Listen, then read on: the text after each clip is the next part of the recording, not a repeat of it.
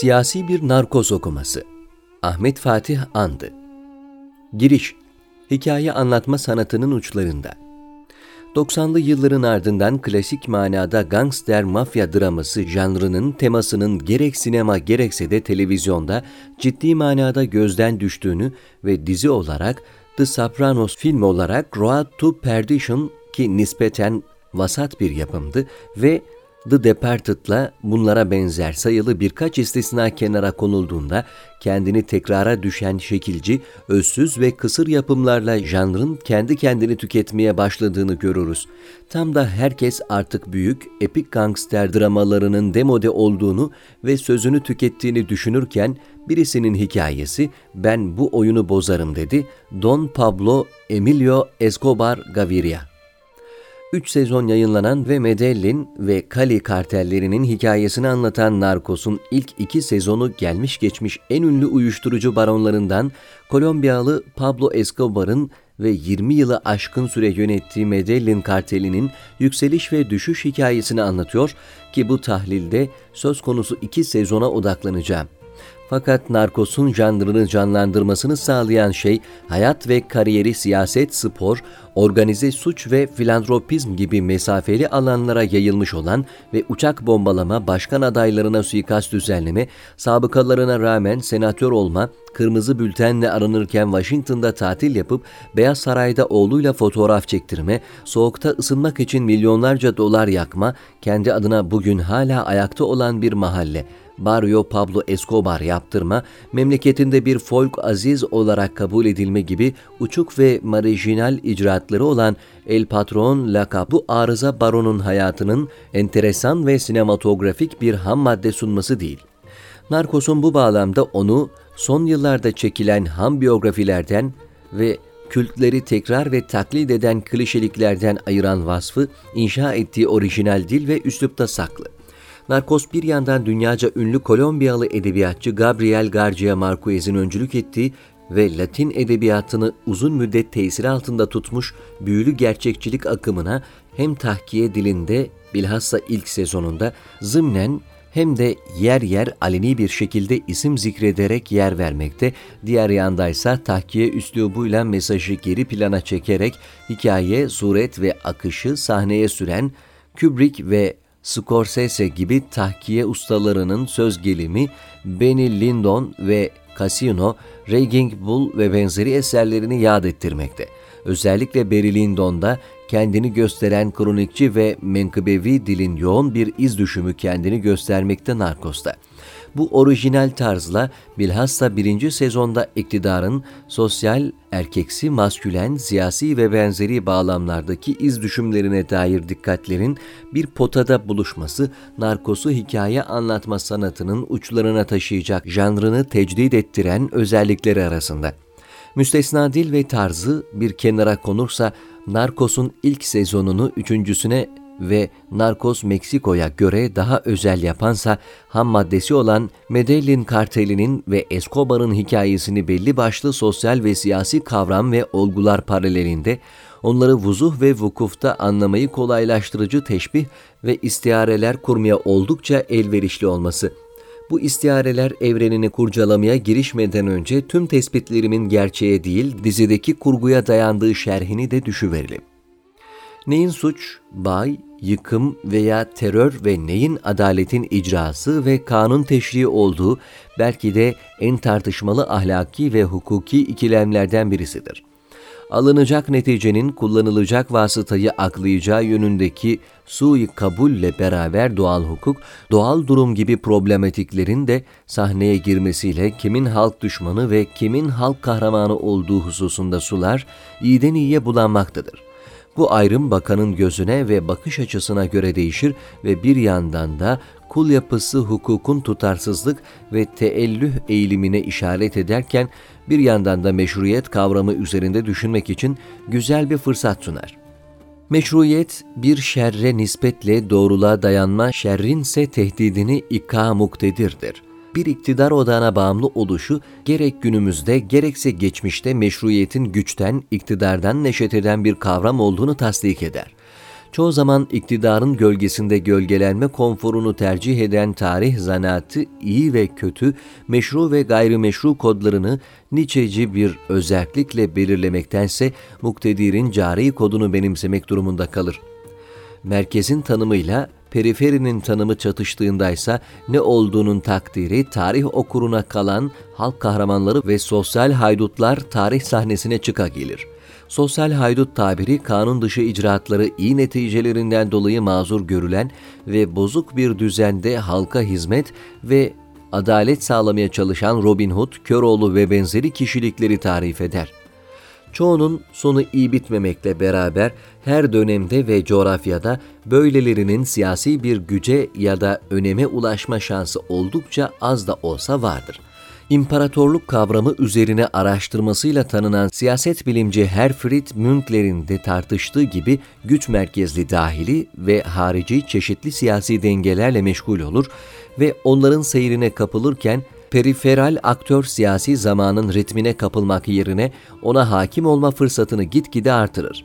Bu sebeple tarih boyunca çoğu büyük gücün Çin hariç periferiden doğması bir tesadüf değildir benzer şekilde modern devletin ideolojik ve zor aygıtlarının ve vatandaşlık kültürüyle modern bürokrasinin kök salmadığı konvansiyonel imparatorluklarda, devletlerde merkezin gerek tehdit ve otoritesi gerekse hizmet ve nimetleri periferiye ulaşmakta zorlanır.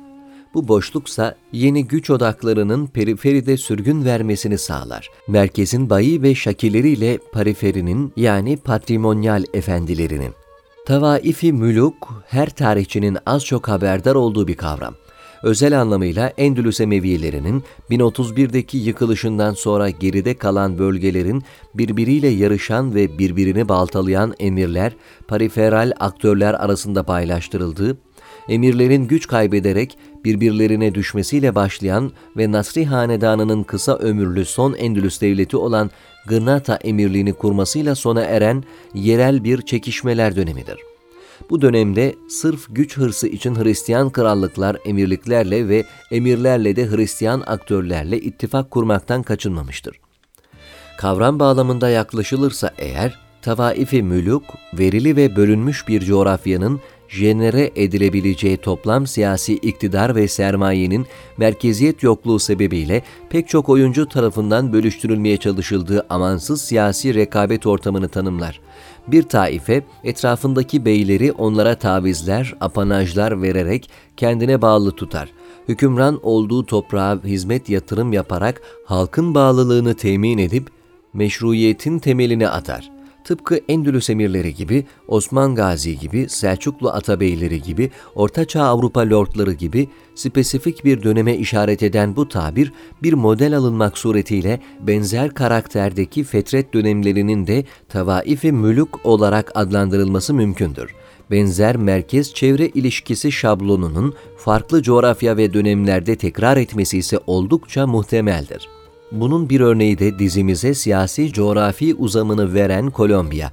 Ülkedeki en büyük ayrılıkçı paramiliter örgüt olan FARC'ın 2016'da silah bırakmasıyla bütün Latin Amerika'nın ünlü siyaset adamı Simon Bolivar'ın ta 19. yüzyılda başlattığı ve fakat türlü çeşit tehdit ve ayrılıkçı akımın etkisiyle tam manasıyla tamamlanamayan Kolombiya'nın devletlik sürecinde nihayet son düzlükte aşılabildi. Ancak dizimizin konu aldığı 80'li yıllarda Kolombiya kırılgan devlet kavramının mücessem örneklerindendi ve iktidarsız merkezin periferisine diş geçirememesi sebebiyle tam anlamıyla bir tavaifi müluk dönemi içindeydi. Güç ve devlet ayrılıkçı gruplar, Marksist ve sağcı paramiliter örgütler, Amerikan istihbarat kurumlarıyla uyuşturucu kartelleri gibi periferal aktörler arasında tedavül ederek nihai konağını aramaktaydı. Peki Don Pablo Emilio Escobar Gaviria'nın tepesi bu durak mıydı? Voy a liberar Colombia. Kolombiya'yı özgürleştireceğim demek. Bu fazla iddialı cümlenin sahibi Pablo Escobar'la Narcos'un ilk bölümünde uyuşturucuyla hiçbir alakası olmayan yoluna çıkanları Plata o plomo yani gümüş mü kurşun mu teklifiyle sindiren küçük çaplı bir kaçakçı olarak tanışırız. Bu küçük çaplı kaçakçı kendine bir gün uyuşturucu ticareti teklifi geldiğinde ilk Mevrus günahı işleyerek kisve değiştiren bir tragedya kahramanı gibi karanlık tarafa geçiş yapar. Bilerek verdiği küçük açıklarla emniyet güçlerini oyalarken Florida'ya yaptığı devasa sevkiyatlarla servetini ila nihaye katlar.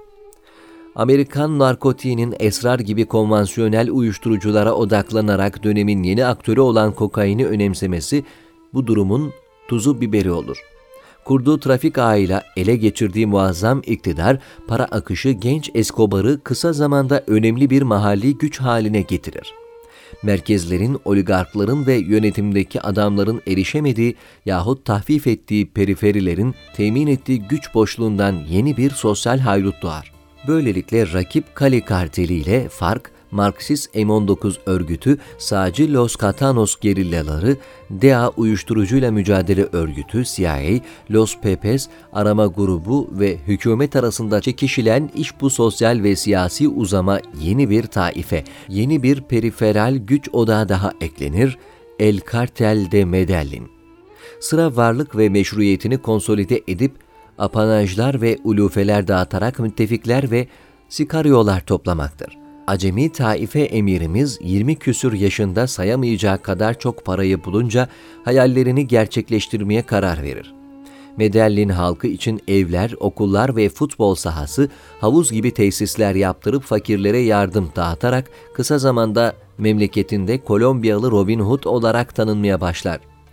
Gerçekte de bir sömestr siyaset bilimi eğitimi alan fakat maddi sorunlardan dolayı üniversiteyi bırakan Escobar öteden beri siyaseti oldukça meraklıdır ve erken yaşlardan beri başkan olma hayali kurmaktadır. Ülkesinin gidişatını beğenmeyen Escobar bir milletvekili adayının yedeği olup seçim kampanyası yürütmeye başlar. Kampanyanın olumlu seyrini gören DEA Pablo Escobar'ın seçilmesine mani olacak kanıtlar ararken Medellin kartelinin büyüyüşünden rahatsız olan bir başka kesim sahneye çıkar. M19 bu radikal komünist örgüt kartele karşı hamle etmek istese de Escobar M19'u dize getirir ve örgüt başkanı Korkunç Ivan yakın bir zamanda hükümeti aşağılama maksadıyla çaldıkları Simon Bolivar'ın kılıcını da yanına alarak Escobar'a teslim olur. Ivan kafasının uçurulmasını beklerken Pablo kılıcı Ivan'ın omzuna koyarak onu şövalyesi ilan eder bir nevi. Artık kartel ve M19 beraberdir ve kartel ilk müttefiğini kazanmıştır. Emir kılıcını kuşanmış, ilk alpını, neferini devşirmiştir. Bolivar'ın kılıcı elindeyken dudaklarından şu sözler dökülür. Voy a liberar Colombia.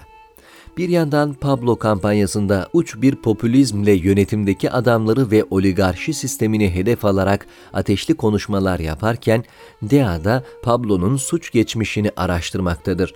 Pablo sabıkalarıyla alakalı tüm polis, avukat, muhasebeci ve benzeri kişileri yok eder ve meseleyi bir maşayla kökten çözmeye karar verir. M19 militanları Bogota Adalet Sarayı'nı basar ve sadece birkaç dosyayı yok etmek için bütün Adalet Sarayı'nı ateşe verir. Seçimlerde Pablo'nun adayı kazanır ve istifa ederek yerini Pablo Escobar'a bırakır.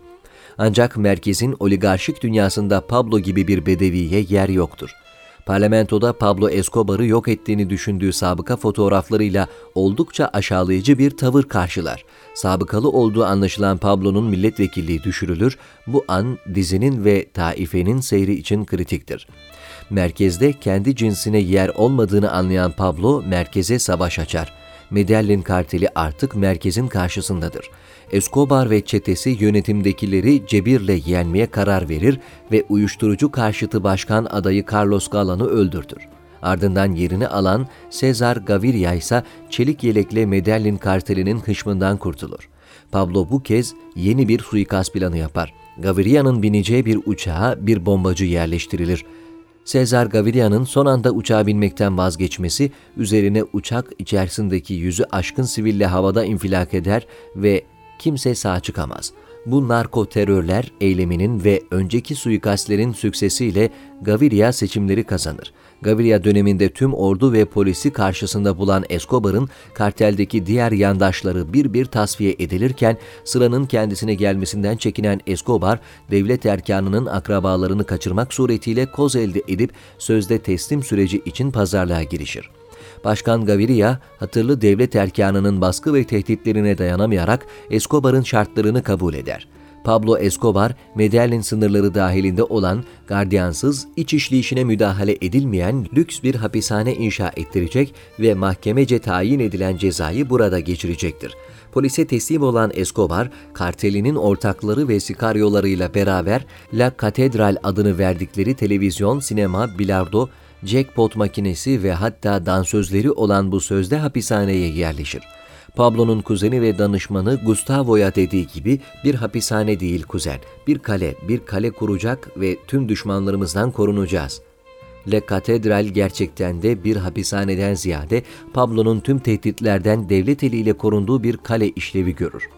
İşlerini dışarıda kalan ortaklıkları vasıtasıyla Le Katedral'den kusursuzca idare eden Escobar bir yandan hem tüm polis ve subayları satın alması hem de Medellin mahallelerinde kurduğu kurye ve gözcüler ağı sayesinde Medellin'i bir tarasut ağıyla sarar. Katedral Kalesi'nin bu metaforik uzantısı kulesi bir nevi bir panoptikon işlevi görmekte ve Medellin kartelinin kendi arazisiyle sınırlı fakat mutlaklığa oynayan iktidarını sembolize etmektedir. Artık Don Pablo servetini koruyan kale ve kılıçtır.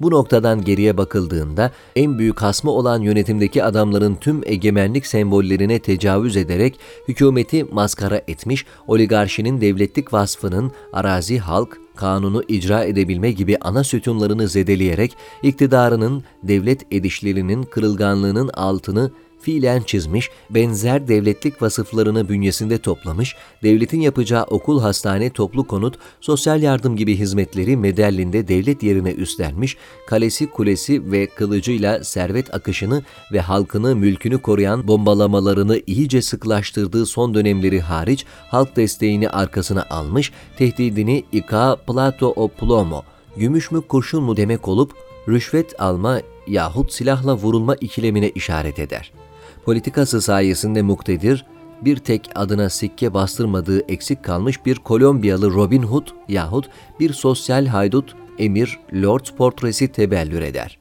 Emek ve tuz, şan ve ganimet mukabilinde alpler devşiren, kılıç kuşanan, kal'a kuran, tebasının hava icini temin eden bir emir. El Patron'un da Le Catedral'de kurduğu düzen taife sisteminin tabiatı gereği uzun bir süreyi meydan okumaksızın geçiremez. Zirveye ulaşan her gücü bekleyen nihai erek bir düşüştür. Zaten tavaife müluklar da iktidarın kesik dansına ve el değiştirme süratine yetişilemeyen dönemlerdir. Escobar'ın cezasını beğenmeyen Dea, Escobar'ın hükümetle anlaşmasını bozduğunu kanıtlamakta kararlıdır. Soruşturma sonucu Pablo'nun iki eski ortağı Le Catedral'e gelip bir daha da geri çıkmadığı tespit edilir ve ordu Le Catedral'i basar. Pablo Escobar ekibine karşı taarruz emri vererek kaçar. Bundan sonrası kalesi yıkılan ve ordusu dağılan beyimiz için sürekli bir firar ve saklanma dönemi olacaktır. Hapisten kaçtıktan sonra sikaryolarının çoğunu kaybettiği için laboratuvarlarını Kali karteline ve ekibinden ayrılan Moncadalara kaptıran Don Pablo şiddet bir geri dönüş tasarlar. Yeni sikaryolar toplayıp taraf değiştiren laboratuvarları bir bir basmaya, boyun eğmeyenlerden akışını kılıçla korumaya başlar. Bu gürültülü ve maço tavrın altındaki mesaj basittir. A Pablo Escobar se la respeta. Yani Pablo Escobar'a saygı duyulacak. Zira emir kılıcını yeniden kuşanmış, obasına, tebasına ve hazinesine çöken hasım taifeleri temizlemeye başlamış, Reconquista'nın düğmesine basmıştır. Bu şiddet dalgası üzerine hükümet el patronun rüşvet şebekesi ve gözcüler ağını yenebilmek için en güvenilir adamlarından oluşan bir ekip kurar. Arama grubu. Öbür yandansa el patrona karşı olan her türlü oluşumun faaliyetine göz yumar. Pablo bir yandan gizlice taksi bagajlarında gezip Medellin mahallelerinde aça aça para dağıtarak nerede kalmıştık mesajı verirken hasmı olan Kali karteli Castanos gerillalarıyla işbirliği yaparak ağır silahlı bir infaz timi kurar. Los Pepes DEA ve arama grubu Le Catedral'den çıkan dökümanlar ışığında kartelin önemli kimisi karyolarıyla Pablo'nun danışmanı Gustavo'yu öldürse de Medellin emirini hala yıkamamıştır. Köşeye sıkışan Escobar merkezi yıldırmak için uçuk bir şiddet dalgası başlatır. Önce Gustavo'yu öldüren arama grubu komutanı Albay Carrillo'yu bizzat öldürür. Ardından Medellin'deki tüm karakollara saldırılar düzenleyip başkent Bogota'da seri bombalamalara başlar hem kamuoyundan hem de eski oligarklardan ciddi baskı alan hükümet halkının ölümü pahasına da olsa sebat etmeye karar verir. Bardak taşmıştır. Medellinin tüm sokakları ordu tarafından ablukaya alınır. Escobar'ın başına milyonlarca dolar ödül konulur. Ancak Escobar kendi imaj ve meşruiyetini öyle sıkı kurmuştur ki Medellin Don Pablo'sunu vermemektedir. Kimse folk aziz olarak gördükleri ve minnettar oldukları bu adamı ihbar etmeye yanaşmamaktadır.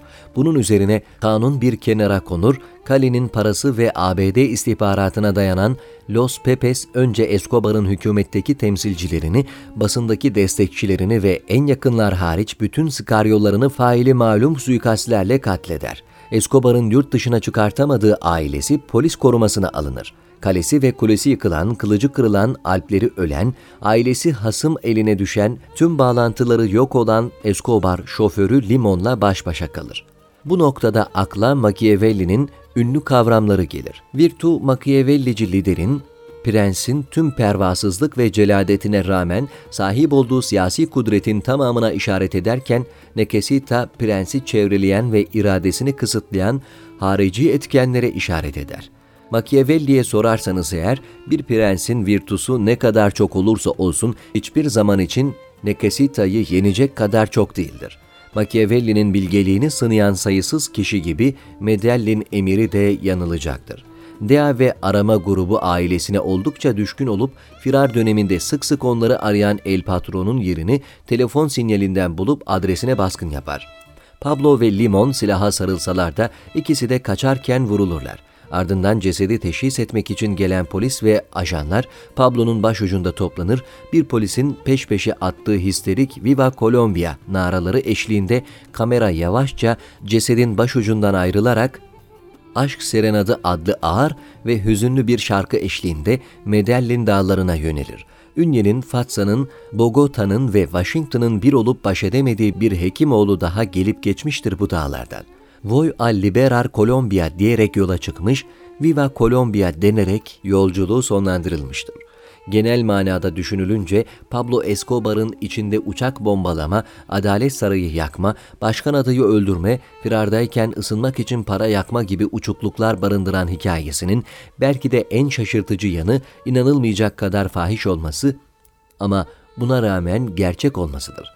Bu sebeple Pablo Escobar ve kartelinin basit bir çeteden de facto bir siyasi oluşuma tekamülünü anlatan bu büyülü gerçekçi dizi bilimin ve felsefenin katı ve köşeli gövdeleriyle dolduramadığı tahayyül, tasavvur, imajinasyon boşluğunu sanat ve hayal gücüyle doldurarak merkez-çevre ilişkisi, meşruiyet ve sosyal haydutluk meseleleri üzerine hadsiz ve sınırsız esneklikle bir spekülasyon ve tefelsüf alanı açmaktadır. Diğer yandansa doğal hukuk tartışmalarının beşeri hukukun ahlaktan bağımsız meşruiyetin inanılmaz kofluğuyla mafyayla devlet, suçla liberation arasındaki çizginin sıratvari kıldan ince kılıçtan keskinliğini gözler önüne sermektedir.